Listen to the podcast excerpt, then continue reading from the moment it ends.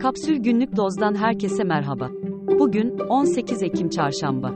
Yurt genelinde yağışlı bir hava bekleniyor. Yağışlarla birlikte hava sıcaklıkları da düşecek. Şimdi haberler.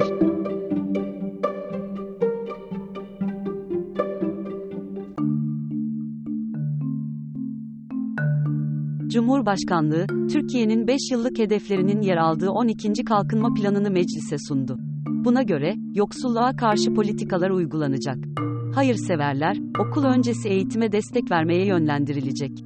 Nüfusun yaşlanacağına yer verilen planda, sosyal güvenlik sistemi üzerindeki etkiyi azaltmak için, bakım sigortası ve mesleki rehabilitasyon uygulamaları yapılması istendi. Aynı maddeye göre, yaşlı bakım hizmetlerinin finansmanı için, bakım sigortası kurulacak. Kamuya işe alımda uygulanan sözlü mülakat devam edecek, ancak sınırlandırılacak. İstanbul başta olmak üzere, kentsel dönüşüm için mevzuat düzenlenecek. TOKİ'nin ürettiği konut sayısı, 2028 yılında 500 bine çıkarılacak. Bu sayı geçen yıl, 60.440 olmuştu. Planda, 2028 yılı sonu için enflasyon hedefi, %4,7 olarak açıklandı. Eylül ayı enflasyonu, TÜİK verilerine göre, %61.53, ENAG'a göre %130,13. Merkez Bankası'nın 2023 yıl sonu enflasyon tahmini ise %58.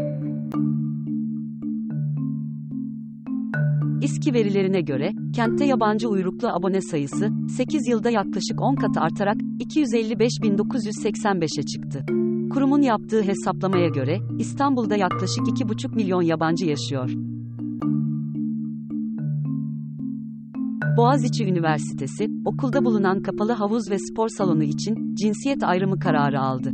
Hisar kampüsteki tesislerin kullanımı, bazı gün ve saatlerde, sadece kadınlar ve sadece erkekler olarak ikiye ayrıldı.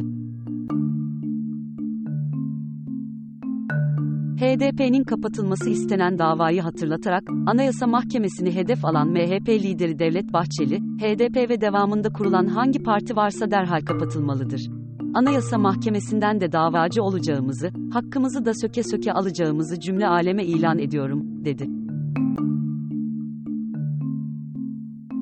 İyi Parti lideri Meral Akşener'in, Ankara Büyükşehir Belediye Başkan adaylığı için, CHP'li eski vekil Sinan Aygün'e teklif götürdüğü öne sürüldü. T24'ün kulis haberine göre, Aygün teklifi kabul etmedi. Yönetmen Nuri Bilge Ceylan'ın son filmi, Kuru Otlar Üstüne, gösterimdeki 3. haftasında 234 bin seyirci tarafından izlendi. Haftayı 32 bin seyirciyle kapatan film, Box Office Türkiye liderliğini de korudu. Ceylan'ın en çok izlenen filmi Ahlat Ağacı, 246 bin kişilik gişeye ulaşmıştı. Merkez Bankası'nın konut fiyat endeksine göre konut fiyatları, geçen yıla oranla, %90,3 artış gösterdi. Bu, Ocak 2022'den beri görülen en yüksek artış oldu. Ağustos ayı özelindeki artış ise, %5.49 olarak belirlendi. Aynı dönemde, Türkiye genelinde bir konutun ortalama metrekare fiyatı, 27.870 liraya yükseldi.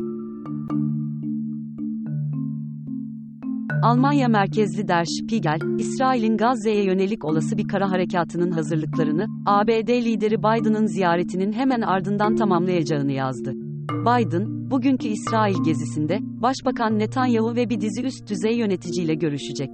ABD lideri, İsrail'in Gazze'yi işgal etmesinin büyük bir hata olacağını söylemişti. Gazze'nin kuzeyinde yaşayan en az 600 bin kişinin, bölgenin güneyine gittiği tahmin ediliyor. İsrail'in, sivillerin tahliye etmesini istediği Gazze'nin kuzeyinde, 1.1 milyon insan yaşıyordu. İsrail'in saldırıları nedeniyle Gazze'de hayatını kaybedenlerin sayısı, 3000'i geçti. Hava saldırılarında yıkılan binaların altında, 500'ü çocuk, 1200'den fazla insanın kaldığı düşünülüyor. Hamas'ın 7 Ekim'deki saldırılarında yaşamını yitiren 1400 kişiden 3'ünün Türk vatandaşı olduğu açıklandı. Daha önceki duyuruda bir Türk vatandaşının hayatını kaybettiği, birinin de kayıp olduğu belirtilmişti. Daha fazlası için kapsül.com.tr adresini ziyaret edebilirsiniz.